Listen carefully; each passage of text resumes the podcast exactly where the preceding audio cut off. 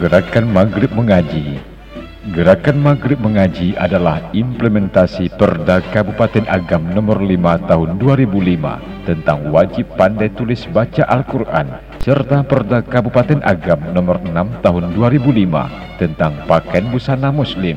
Lebih dipertajam lagi dengan pengaplikasian program Maghrib Mengaji Bila kita amati kualitas kehidupan keberagaman masyarakat di kampung-kampung dan jorong-jorong dewasa ini, maka kita akan sangat merindukan pola-pola lama yang telah berhasil menghantarkan tokoh-tokoh cendekiawan muslim seperti Buya Hamka, Haji Agus Salim, dan lain sebagainya menjadi pribadi-pribadi tangguh yang selama ini kita kenal.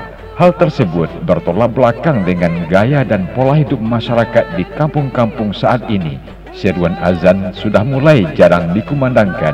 Masjid-masjid dan majelis taklim lengang jamaah. Setiap selesai maghrib jarang pula kita dengar lantunan bacaan ayat-ayat suci Al-Quran dari rumah-rumah kaum muslimin.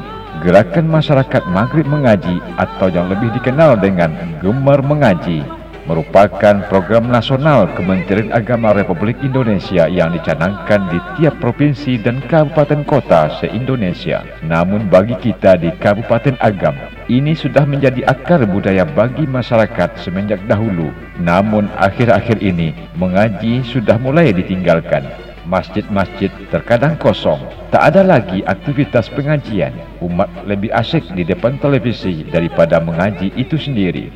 Gerakan Masyarakat Maghrib Mengaji adalah sebuah program untuk membiasakan masyarakat membaca Al-Quran atau mengaji setelah selesai sholat maghrib daripada masyarakat lebih banyak menghabiskan waktunya di depan televisi di waktu maghrib sehingga terlupa akan waktu maghrib yang sangat singkat diharapkan kepada seluruh komponen masyarakat untuk menggalakkan gerakan masyarakat maghrib mengaji ini di wilayahnya masing-masing sehingga gerakan yang telah dicanangkan ini dapat dilaksanakan oleh masyarakat untuk seterusnya.